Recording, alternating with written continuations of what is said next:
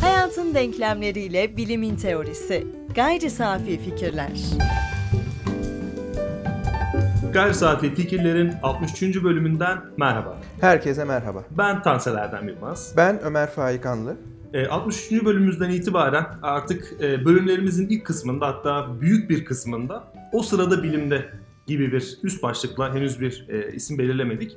Bilimde olanlara odaklanacağız. Çünkü e, güncel olayların büyük bir kısmı yani en azından bilimsel olayların büyük bir kısmı bilim felsefesinin bugününü ve geleceğini de etkiliyor. Yani biz içinde yaşarken bu olayların e, güncel gelişmeler de dikkate değer bir biçimde bizim düşünüş biçimlerimizi hatta bundan belki 10 yıl 20 yıl sonra e, 2019 yılında böyle bir gelişme olmuştu ve bu gelişme ışığında e, biz şöyle şöyle sonuçlara ulaştık diyorum. Bu şöyle şöyleler e, ileride daha anlamlı biçimde doldurulacak.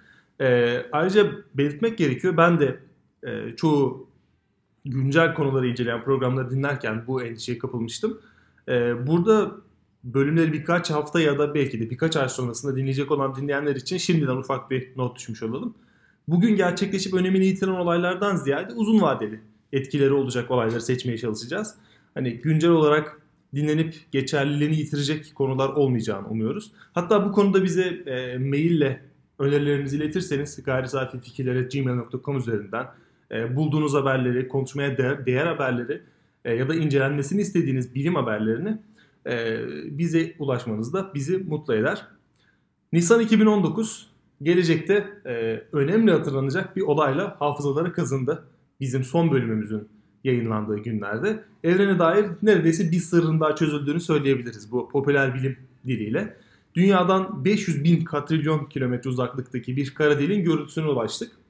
E, fakat ortaya çıkan bilgiler çok yoğundu. Yani kara deliğin e, görüntüsüne ulaştık ama kara deliğin görüntüsüne nasıl ulaşabilirdik? O kara delikse e, ışığı da e, soğurması gerekmiyor muydu? E, ya da bu görüntü neden bu kadar e, net değildi gibi sorular vardı. Bu soruların hepsine biz yanıt veremiyoruz. Fakat e, özetle e, olayı anladıktan sonra bunun bilim ve bizim özelimizde bilim felsefesi açısından ne ifade ettiğini tartışacağız. Sen bu konuda ne düşünüyorsun? Ee, şimdi bu kadar güncele gelmeden önce bu haberlerin veya bilimde vuku bulan edimsel yani gerçekten olmuş olan gelişmelerin e, deney sonuçları olabilir, yeni bir teori önerisi olabilir. Bu teorinin deneyle sınanmasının olumlu veya olumsuz sonuçları olabilir. Bizim için yani biraz daha işin teorik felsefi veya tarihsel yanına yakın duranlar için ne anlama geldiği üzerinde duralım. Aslında tüm bu e, olaylar yani bu kara deliğin fotoğrafının çekilmesi ve biraz önce örneklediğim ana kategoriler bilim felsefesinin veya aynı anlama gelecek şekilde bilim teorisinin konusunu yani nesnesini oluşturmakta. Yani zaten biz bu olaylar veya bu buluşlar veya bu teoriler, bu teorilerin açığa çıkışları üzerine bir meta üst teorik çalışma yapıyoruz. Yani bu süreci, bu dinamiği yani bilimin dinamiğini, bilimselliğin dinamiğini kavramaya çalışıyoruz. Zaten buna bilim felsefesi veya bilim teorisi denmekte. Kendi özel tarihi üzerinde daha önceki programlarımızda birkaç kez hatta birkaç kezin üzerinde birkaç kez durmuştuk. Ama şunun hemen altını çizeyim. Peki bunlar ne anlama geliyor? İşte bunlar eğer bizim nesnemizse yani e, diyelim ki Karl Popper'ın teorisiyle e, bu mevzulara bakıyoruz. Yani 20. yüzyılın bilim teorilerinden biriyle ama diğer teorilerin yanlış olduğunu iddia eden bir teoriyle bakıyoruz. Bu vuku bulan olay bizim teorimizi yani diyelim ki Karl Popper'ın teorisini destekliyor mu? Yanlışlıyor mu? Ya da bu teori tarafından açıklanamaz olarak bir aykırı örnek olarak mı kalıyor? Mesele bu. Çünkü daha önce de söylemiştik bilim felsefesi veya bilim teorisi e, yapan yapar, yapamayan da bunun yorumcusu olur ve yorumlar çoklusu değil. E, şimdi bilimsel olaylar e, ortaya çıkıyor ve biz bunu Karl Popper'ın, Thomas Kuhn'un, e, diğer bilim filozoflarının koyduğu çerçeveye sığıp sığmadığını inceliyoruz ya da inceleyebiliyoruz. Burada tartabiliyoruz dedim. Benim aklıma burada şu soru geliyor. Tam senin son cümlenle ilgili. Yapan yapar, yapamayan tartışır da. Yapan yaparken yapamayanın tartışması için arada bir e, bağlantı ağı var. Bu bağlantı ağında e, aktarımsal bir problem de ortaya çıkabilir mi? En azından e, bir bilim filozofu şu an ortaya çıkmış e, kara delik görüntüsüne dair bir fikir ortaya atacak fakat tekniksel boyutunu bilmiyor, teknik boyutunu bilmiyor. Bunun hangi sahiplerle yapıldığı ya da e, bu bilgi ortaya çıkarılırken hangi eleme yöntemleri kullanıldı ya da hangi seçme yöntemleri kullanıldığını bilmediği için onu anlatanın da biraz yönlendirmesine e, muhtaç değil mi? Ee, aslında değil çünkü tam da bilim filozofu zaten o yöntemleri, seçme yöntemlerini ve teknikleri yani bilimin algoritmasını diyebiliriz şimdilik açığa çıkarmaya çalışan bir araştırmacı. Dolayısıyla tabii ki nesnesini yakından tanıması lazım. Yani bir fizik deneyini eğer kendi nesne ediniyorsa hani fizikten de az çok değil mi ama tabii ki az çok çok belirsiz kalacaktır. Ama biz şimdi bu belirsizlik riskini alalım kendi üzerimize. Ee, bu riskle beraber tanıması gerekir fiziği veya da bir kimya deneyi veya da bir biyoloji kuramı teorisi veya da deneyi veya benzer bir şekilde sosyal bilimleri konu alıyorsa bir bilim felsefecisi özel olarak ilgili sosyal bilimi yine o az buçuk e, kriteri dahilinde tanıması gerekir. Ama bu e, deneyin ana arkitektoniğini e, yani şemasını çıkarabilmesi için gerekli alt edevatı bir 4 yıllık e, lisans mezuniyeti sonra bir uzmanlaşma kadar o alanda çalışmasını gerektirmeyecektir. Çünkü zaten kendi konusu bu şemayı, bu dinamiği ortaya çıkarma girişim o kendi uzmanlığı. Yani bir e, köprüyü zaten kurulabilecek olası bir köprüyü kendisinden bekliyoruz. O yüzden bilim felsefecisi bilimi tanıyan teorisyen veya bilimi tanıyan felsefeci şeklinde olmalıdır. E, buradaki köprüyü kendisi tanımalı fakat bu pratikte e, çok da geçerli mi? Bunu aslında e, tartışmak gerekebilir. Burayı biraz daha irdelemek istiyorum. Yani e, fizik üzerine çalışan bir bilim tarihi, fizik tarihi üzerine çalışan ya da matematik tarihi, herhangi bir bilimin tarihi üzerine çalışan e, akademisyenin ya da araştırmacının e, direkt olarak bu konularda bilgisi olup olmadığı aslında tartışmalı. En azından güncel durumda. Çünkü kişi bunu kendine görev edinmemiş de olabilir. Çünkü mevcut akademik durumda kişilerin sadece araştırma yapma ve öğrenmeden ziyade bir öğretme yükü de olduğu için e, teknik kısmını da bilmeyi vereyim ya da teknik kısmı benim işim değil diye düşünüp e, bu bizim beklentimizi pratikte direkt olarak boşa çıkaran bir bilimsel sistemden de bahsediyor olabiliriz. En azından benim dışarıdan görüşüm böyle. Seninki biraz da e, içeriden bir görüş olur. Ama tabii şunu sormak lazım. Teknik kısmı nerede başlıyor veya da bir bilim felsefecisinin veya bir bilim tarihçisinin yani bir bilim araştırmacısının yani kendi nesnesi bilim olan veya da bilimin özel bir alt alanı, teorisi veya disiplini olan bir araştırmacının e, bilgisi nereye kadar uzanmalıdır? Yani saha bilgisinden bahsediyorum. Şimdi tabii ki amatör bir ilgi her zaman belirli bir tırnak içinde lakaytlık kaldırır. Yani ne kadar istiyorsan o kadar bilirsin. Amatör ilgin seni nereye kadar götürüyorsa oraya kadar gidersin. Çünkü söylediğin, ürettiğin bilginin bir sorumluluğu çok da fazla yoktur. Kendin için yapmaktasındır ve bunu paylaşmaktasındır. Ama işi akademik anlamda yapıyorsan burada bir sorumluluk devreye girecektir. Çünkü e, akademik bir araştırma alanda yani kendi alanında daha önce yapılmamış yerlere kadar gidebilmeyi veya işte o bilgi e, alanını o bir nokta olsun ileri taşıyabilmeyi gerektirmekte. Yani malumun ilamı veya da zaten bilinenlerin tekrarı değil. Biraz önce biraz negatif tarafından söylemiştim. Yapan yapar yani bilimi yapan yapar, yapamayan yorumcusu olur. Ama yorumlar çoklusu içerisinde de kaybolur gider. Halbuki böyle değil. Yani akademik anlamda bunu bir bilgi veya araştırma nesnesi kılmak, bu dediğim bilim veya bilimsellik daha ciddi bir iş. Burada tabii ki e, ilgili teorilerin sürekli edimsel bilimle karşılaştırılması, onunla kıyaslanması ve ona göre revize edilmesi gerekiyorsa atılıp doğrusunun geliştirilmesi gerekiyor.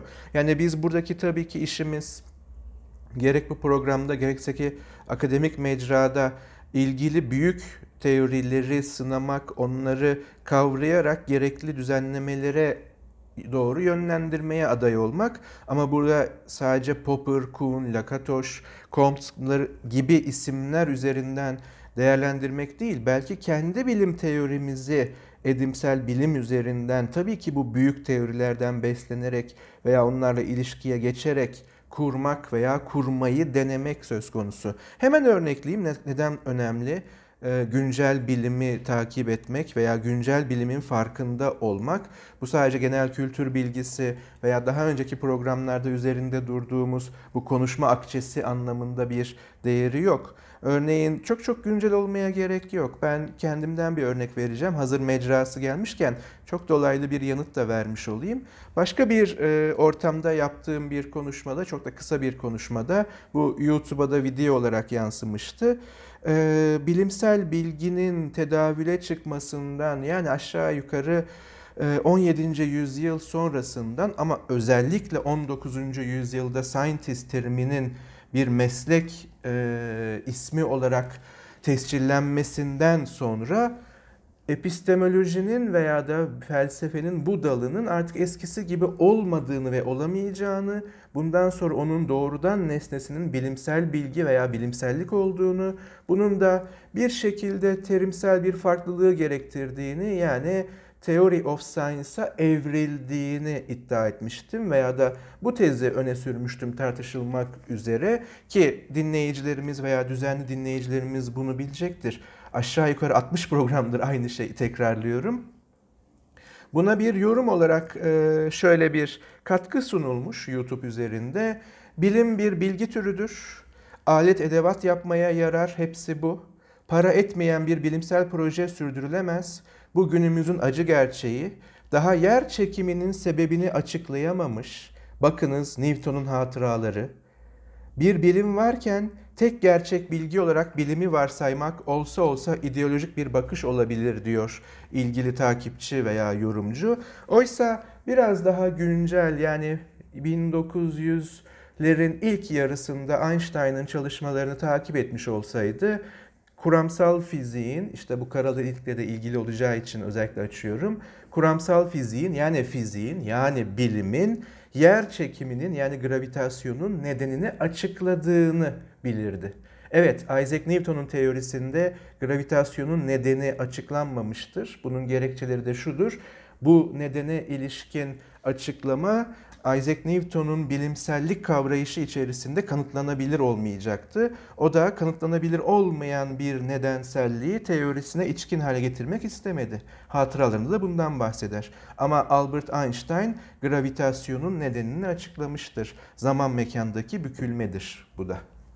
Şimdi demek ki güncel bilimin farkında olmak bizi bazı hatalardan koruyabildiği gibi bilim kavrayışımızın ve onun temelinde yer alan açık veya örtük bilim teorimizin ve bunu destekleyen veya bundan e, entegre biçimde faydalanarak bir araştırma yapan bilim tarihinin veya bilim tarihsel kavrayışımızın doğru mu yanlış mı olduğunu sınayabileceğimiz laboratuvarlarımız. Yani o kara deliğin fotoğrafının biraz sonra biraz daha bilgi vereceğin ve diğer gelişmeler bize şunu sorduruyor.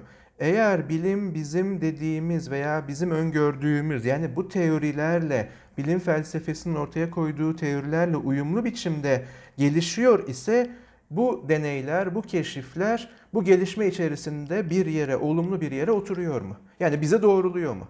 Bilim gerçekten böyle mi çalışıyor? Ve tabii bu bize yeni sorular veya da yeni araştırma alanları açıyor mu? Gibi sorularla güncel bilimi takip etmek bizim işimizin bir parçası. Güncel bilimin önemini e, ben de destekliyorum ve zaten takipçisi olduğumuz bir e, konu. Fakat burada gelen yorum e, tam olarak benim e, ortaya koymaya çalıştığım analoji gibi. Yani kişinin e, alana herhangi bir nüfuzu, alanla herhangi bir ilgisi yok. E, bu ilgi e, sen ve benim e, alana olan ilgi ve bilgimizle bu kişinin alana olan ilgi ve bilgisini kıyaslarken bilim felsefecisinin bilim insanıyla olan arasındaki farkı e, sanki özetliyor gibi. Yani o bilimle e, uğraşan kişi, bilim insanı tıpkı e, bizim bu kişiye yaptığımız yorum gibi ya bu, bunun da böyle olduğunu anlamıyorlar. Aslında şu kitabı açıp e, şu kitabı bilseler, termodinamikle ilgili böyle bir kitap vardı. Şu 100. sayfa bir baksalar belki anlayabilirler diyor olabilir. Burada niyet okuma yapmayayım. İşte benim endişem burada başlıyor. Alanda bir bilgi üretiliyor bunun kitaplaşması, eğitim sürecine girmesi ve e, ders kitaplarına girmesi, ardından bunun kullanıcı anlamda söylersek paradigma, yetkin paradigma olarak kullanılması, e, popurca anlamda söylenirsek yanlışlanacağı güne kadar e, geçerliliğini koruması bu en az 10 yıl en azından güncel durumda. Geçmişte bu çok çok 10 yıl sürüyor. Biz bu gelişmeleri şu an tartışırken bir haber olarak ilgimizi çekiyor. Bizim için e, alandan bir bilgi e, ya da şu an ortaya koymaya çalıştığımız araştırmalarımızın direkt olarak nesnesi olamıyor. Örnek olarak kullanamıyoruz. Çünkü e, bizim de ilgimiz tıpkı e, o yer çekiminin açıklanamadığını düşünen e, kişinin bu alana olan ilgisi gibi derinlerine inemiyoruz en azından. Bu pratikte bekleneni de sağlayamıyoruz gibi geliyor. Bu da nüfuz etmeyi zorlaştırıyor gibi geliyor bir öz eleştiri olarak. Ama şöyle bir şey söyleyeyim. Mesela bilim gravitasyonun nedenini açıklayamıyor kütle çekiminin diye bir yerde okuduğumu varsayalım.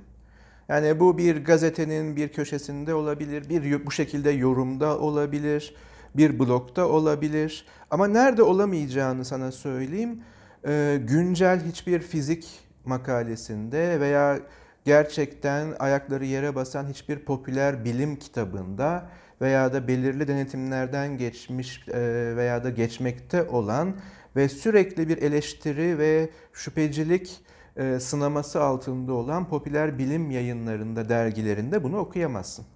Demek ki neyi nasıl takip ettiğimiz de önemli ama bundan daha da önemlisi e, belki başka kişilerin şu an Türkiye'de çok önemli katkılar sunmaya çalıştığı bilim okur yazarlığının geliştirilmesi. Yani okuduğumuz şeyi bilim üzerine veya bilimsellik üzerine okuduğumuz herhangi bir şeyi hangi süzgeçlerden, hangi prosedürlerden, işlemlerden geçiriyoruz kavramak, anlamak, kabul etmek veya reddetmek için. Hani buradaki bilinç seviyesi ne? Bunu arttırabilmek.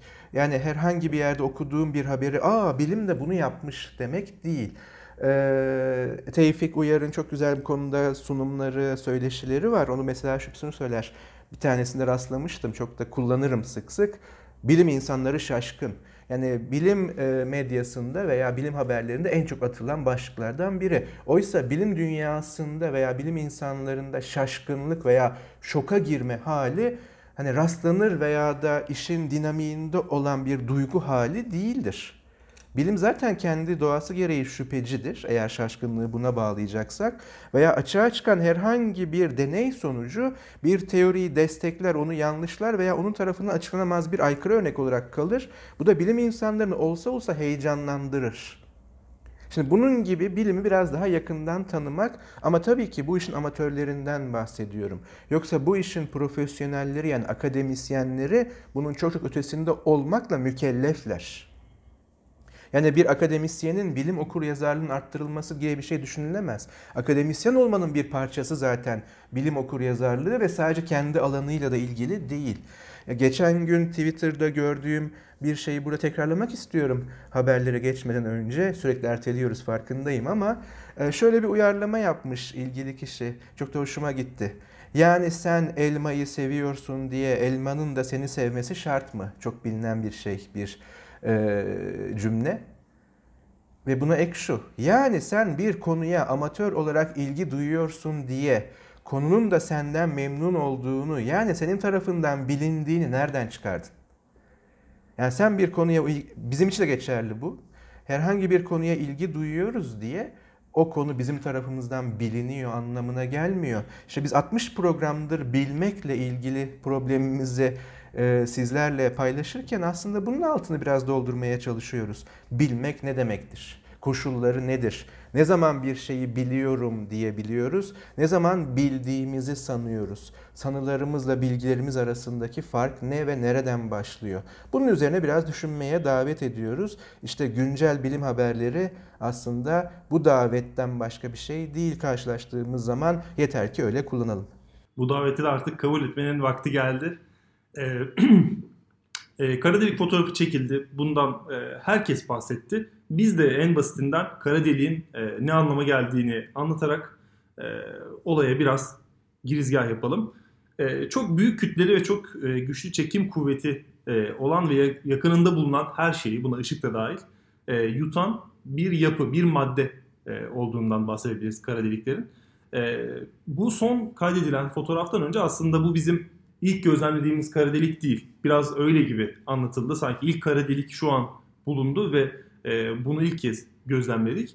E, daha öncesinde e, keşfettiklerimiz de var. E, isimlerini şu an telaffuz edemediğim, zira okuyamadığım e, kara delikler var. 1964 yılında ilk olarak bir kara deliğin varlığından ve bulunduğu noktadan emin olabildik. E, ve bundan 7 yıl sonra 1971'de e, 6 milyon yıl önce oluştuğu düşünülen ve bizden 6000 ışık yılı uzaklıkta olan ve hala e, en hızlı dönen kara delik e, olarak bilinen e, SYG ya da CYG X1 adındaki kara deliği tanımladık. E, bizim için ne ifade ettiğini bilmiyorum fakat saniyede 800 dönüş gerçekleştiriyor.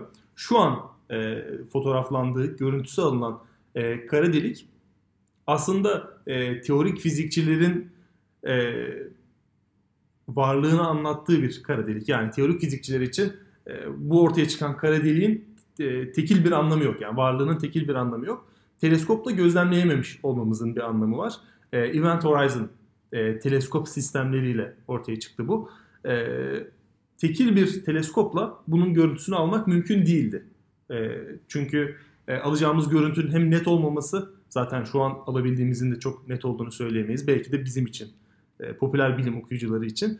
E, bunun için dünyanın çeşitli yerlerine teleskoplar koyuldu ve e, ortaya bir görüntü çıktı. Ben şu an yaptığım alıntıları NASA'da çalışan Türk bilim insanı Umut Yıldız'ın attığı e, tweet zincirine binaen e, anlatıyorum. Yani kendi araştırmalarımdan ziyade onun biraz daha basitleştirdiği bir anlatımdan yararlanıyorum. E, M87 galaksisinin merkezindeki süper kütleli kara deliğin olay ufkunun ilk fotoğrafını aldık onun tanımıyla. E, hatta saat yönünde dönüyor.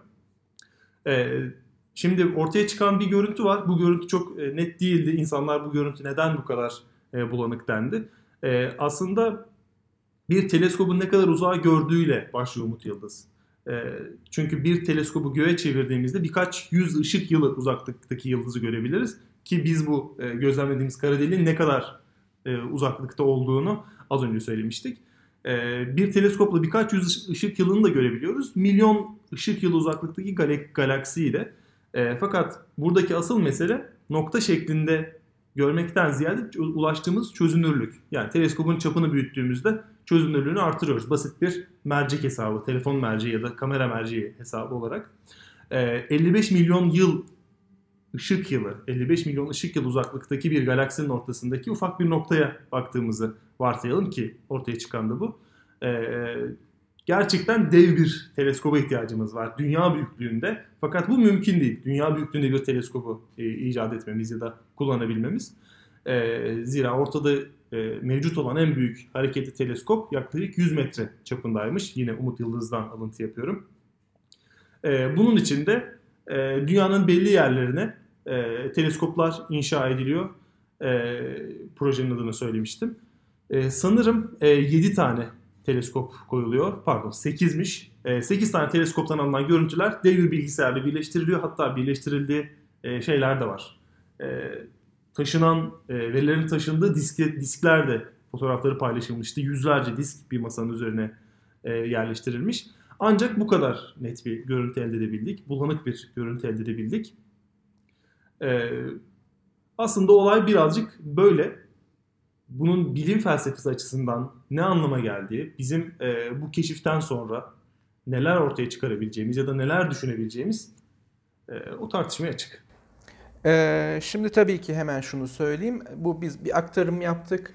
Ee, çok daha belki teknik veya da e, daha doğru kompoze edilmiş bir anlatım da mümkündür. İlgi duyanlar ve halen araştırmamış olanlar veya karşılaşmamış olanlar mutlaka bu araştırmayı güvenilir kaynaklardan tekrar yapsınlar daha detaylı e, malumat edinebilmek için. Ama bizim açımızdan bu kadar yeterliydi. Biz bu yüzden bu, e, böyle bir anlatımı tercih ettik. Şimdi burada önemli olan şey şu, önce bir devasalığı kavrayabilmek için ışık hızından biraz bahsedelim. Hani ışık yılı 100 ee, ışık yılı, 1000 ışık yılı, milyon ışık yılı diyoruz ya. Yani ışığın bir yılda kat ettiği mesafeden bahsediyoruz. Yani bir ışık yılı ışığın bir yıl içerisinde kat ettiği mesafe. Şimdi bunun ne kadar büyük olduğunu şöyle söyleyeyim. Saniyede Yani yılda değil bir saniyede ışık boşlukta 299.792 e, nokta 458 metre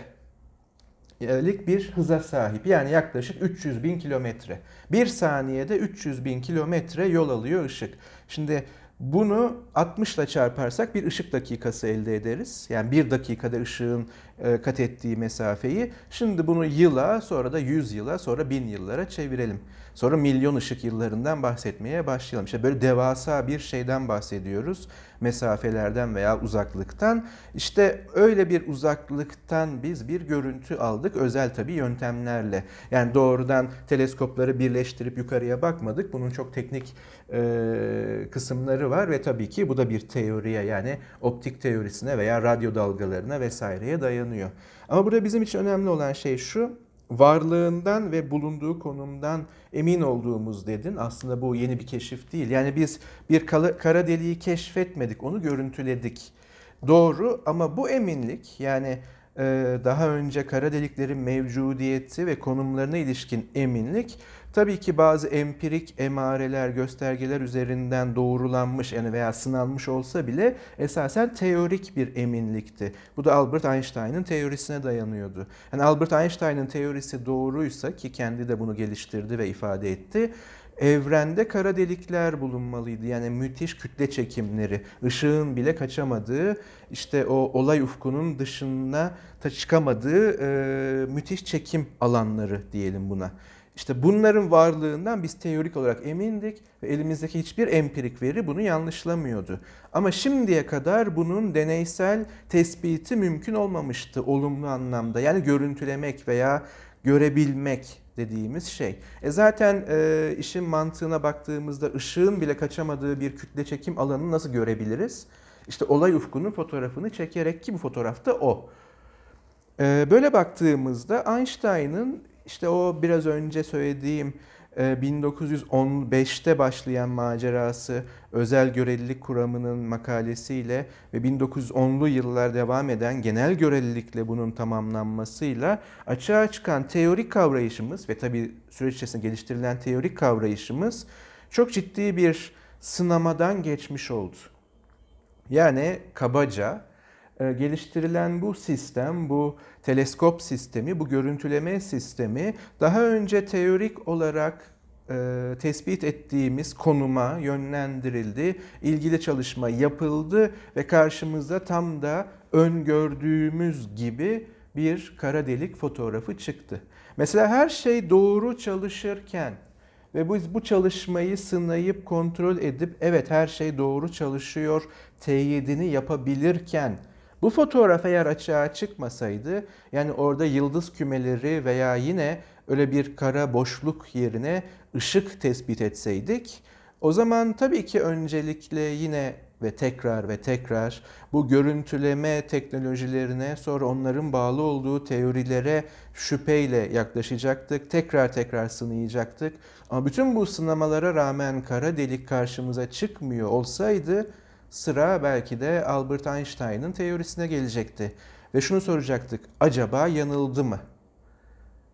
Bu işte bilimin güzel tarafı veya bilimselliğin tespiti. Şimdi dikkat edersek veya da e, daha sıkı takipçimiz olan e, dinleyicilerimiz dikkat ettiyse bu tam da Karl Popper'ın dediği gibi teorimizi sınama prosedürüydü ve aslında bu evet bilimin bir kez daha bizim onu teorize etme biçimlerimizden biriyle uyumlu olarak yani Karl Popper'ın kabaca tabii ki söylüyorum e, teorisiyle uyumlu olarak çalıştığını gösterdi. Teorik olarak emin olduğumuz ve buna bağlı olarak konumunu ve varlığını ve varlığını ve konumunu daha doğru olur öngördüğümüz bir alanı, bir kara delik alanını deneysel olarak yani empirik olarak görüntülemeyi, tespit etmeyi başardık ve bilim yine çalıştı. Bilim yine çalıştı ve muhtemelen de bu olay gerçekleşmese bile çalışmaya devam edecekti. Tıpkı senin de vurguladığın gibi ama ben bu e, bu görüntü ortaya çıkmasaydı ve varsayımlar boşa çıkmış olsaydı e, yamaların yapılmaya yapılmasının denileceğini düşünüyordum. Çünkü e, teleskoplar değiştirilirdi, hesaplar değiştirilirdi, işleme teknikleri değiştirilirdi ki bu arada muhtemelen e, 10 yıl geçerdi. Bu projenin de çünkü çok uzun süredir e, devam ettiğini biliyoruz. Burada Einstein'ın teorisine gidene dek yapılacak ufak tefek yamalarla yine Einstein'ın teorisinden çıkmış gibi görünen e, belli bir sonuç ortaya çıkabilirdi. Çünkü elimizdeki teknoloji belki de buna elverişli. Yani yanlış teoriden doğru sonuca ulaşmaya elverişli. Bu tarihte de e, yaşanmış şeyler. Yani ortaya yanlış bir şey e, ortaya atılıyor ve e, bu yanlış üzerinden e, doğru sonuca ulaşılabiliyor. Çünkü yapılan yamalarla o bir şekilde yoluna oturtulabiliyor. Ama şöyle bir fark da mesela artık güncel olmamakla beraber e, son 100 yıl içerisinde eğer güncel kabul edersek gayet güncel bir şey. Hatta son 10 yıl içerisinde CERN'de yapılan yani burada çok büyük e, büyüklüklere veya da evrene gözümüzü dikmişken bir de çok küçüklere yani kuantum dünyasına dönelim. CERN'de yapılan e, CERN laboratuvarında yapılan deneylerden birinde bir nötrino ışık hızını geçti ölçümler sırasında. Ve bildiğim kadarıyla tekrar edilince yine geçti. Şimdi diyelim ki bu basına sızdı bu haliyle veya da basına açıklandı. Sızmayı bırakalım. Şimdi bir e, bilim okur yazarı olmayan arkadaşımız veya da amatör e, ilgilenen biri de bunu okudu ve dedi ki işte ışık hızı geçilebiliyormuş. Ve bunu herkese anlatıyor.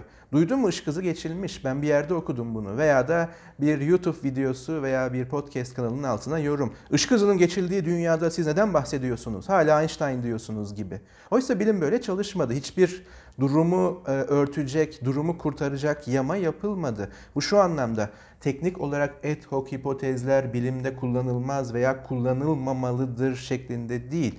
Bunu belki daha önce konuşmuştuk. Gerekiyorsa talep gelirse tekrar açarız. Ad hoc hipotez nedir, ne işe yarar, işlevi, tarihsel ve edimsel işlevi nedir gibi. Ama konuya dönecek olursak yapılan şey şuydu bilim insanlarınca şoka da girmediler. Bilim dünyası şokta da değil.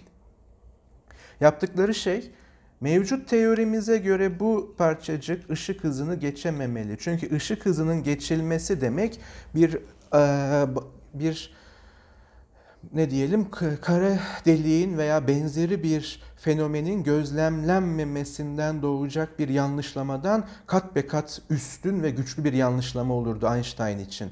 Veya da bildiğimiz veya da kullanmakta olduğumuz kuramsal fizik teorisi veya teorileri için. Yani bu yıkıcı olurdu. Işık hızının geçilmesi. Yani şöyle örnekleyeyim. Baktığımız yerde, e, konumladığımız yerde ışık e, ışığı yutan bir kara deliğin na mevcudiyeti yani bulunmaması dediğin gibi tekrar ve tekrar bunun denenmesine veya da henüz sistemimiz buna hazır değil denmesine çok makul bir şekilde kabul edilebilir görünürken ışık hızının geçildiğinin defalarca tespit edilmesi bir parçacık tarafından teorinin çok da kaldırabileceği bir e, deneysel keşif veya da tespit olmayacaktı. Ama ne yapıldı? Benzer deneyi tekrarlayabilecek altyapıya sahip Japonya ve Amerika'daki parçacık hızlandırıcılara bulunan laboratuvarlarla iletişime geçildi. Dendi ki bu koşullar altında biz böyle bir deney yaptık ve bu deneyin hedeflenen bir sonucu değildi ama tali bir sonucu olarak, bir çıktısı olarak bu ölçümü yaptık. Lütfen size bu deneyi tekrarlayın. Gerçekten ışık hızı geçildi mi? Yapılan deneyler koordineli ve entegre bir şekilde gösterdi ki CERN'de yani bu işin amiral gemisi olan laboratuvarda ilgili araçlarda, ölçüm araçlarında bir kalibrasyon hatası vardı. Yani ölçüm hatalıydı. Bu ortaya çıkarıldı. Teori doğru olarak yoluna devam etti. Teori hala çalışıyordu. Hala hiçbir parçacık ışık hızını geçemez bu evrende. Teorik olarak bu böyle ve empirik olarak hiç yanlışlanmadı. Dolayısıyla yanlışlayıcı gibi görünen deney aslında bir ölçüm hatasıydı ve bilim bunu görebildi. Yani şunu demek istiyorum. Eğer o kara deliği gözlemleyemeseydik ki o da sanırım 100 ila 150 milyon euro arasında bir maliyetle bu proje yürütüldü aman 150 milyon euro yatırıldı şimdi ne diyeceğiz göremedik mi diyeceğiz. Boş verin biz bir tane imaj uyduralım oradan da göründü denemiyor çünkü bunu kaldırmaz bilim. Çünkü dünyanın bir yerlerinde bu çalışmayı de, e, devam ettiren, denetleyen, takip eden veya kendi bu çalışmayı sürdüren bilim insanları, bilim toplulukları var. Onlar hemen hop ne yapıyorsunuz?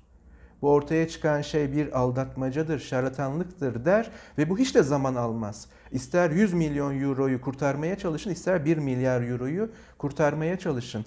Çünkü bilimin işi veya bilimselliğin işi veya bilginin işi doğru ve yanlışla. Evet bu siyah ve beyaz değil her zaman, bir ve sıfır değil ama yaklaşılabilir ve rasyonel olarak karar verilebilir sınırlar içerisinde konuşuyoruz. Veya rahatlıkla şunu söyleyebiliyoruz. 150 milyon euroluk bir sistemle bu deneyi yaptık ama e, henüz bu gözlemleyemedik. Hatalarımızın nerede olduğunu arıyoruz. Durumu kurtarmaya çalışmıyoruz. Etok hipotez o değil. İşte bilimselliğin kriterlerinden biri veya bilim dışını teşhis etmenin göstergelerinden biri bu. Sahte bilimle bilim arasındaki ilişki bu. Sahte bilim durumu kurtarmaya çalışır. Gerçek bilimsellik durum neyse onu söyler. Gördük veya görmedik. Gördüysek bunun pek çok anlamı var. Einstein'ın teorisi hala yoluna devam ediyor. Deneysel olarak çok önemli bir e, doğrulayıcı yani yanlışlayıcı olmayan deney kattı envanterine ve e, yanlışlanacağı noktaya kadar evreni biraz daha iyi biliyoruz artık. Şimdi bir sonraki kara deliği görüntülemek üzere çalışmalar devam edecek veya bunu netleştirmek için devam edecek. E oldu da ne oldu derseniz bilimin çalıştığının kanıtı bilimin diğer alanlarda da çalışmakta olduğunun kanıtıdır unutmayalım. Bu fotoğrafın bilim felsefesi ve bilim özelinde e, ne tip etkiler olacağını tartışacağız. E, bu bölümün sonunda çok da ünlü olmayan bir düşünür olan kendimin e, bilim asla uyumaz. Ara sıra gözlerini dinlendirir e, onun uyuduğunu düşünmek de büyük bir gaflettir e, sözümü paylaşmak istiyorum. Çünkü senin söylediğin tam olarak e, buna tekabül ediyordu. En azından e, benimki biraz daha basitleştirilmiş haliydi. Bizi Twitter'da gayri safi fikirler adıyla takip edebilirsiniz. iTunes'dan, Ekşi Sözlük'ten eleştirebilirsiniz, övebilirsiniz, yorumlayabilirsiniz ve merak ettiğiniz bilim felsefesi sorularınız için gayri safi fikirlere gmail.com üzerinden bizlere erişebilirsiniz. Ayrıca e, yaklaşık iki hafta sonra Mayıs ayının başında Gayri Safi Fikirler Podcast olarak İstanbul'da bir e, etkinliğe konuşmacı olarak davetliyiz. E, detaylar için bizi Twitter sayfamızdan, Twitter hesabımızdan takip edebilirsiniz. Orada detaylarını paylaşacağız. Dinlediğiniz için teşekkürler. Görüşmek üzere. Görüşmek üzere.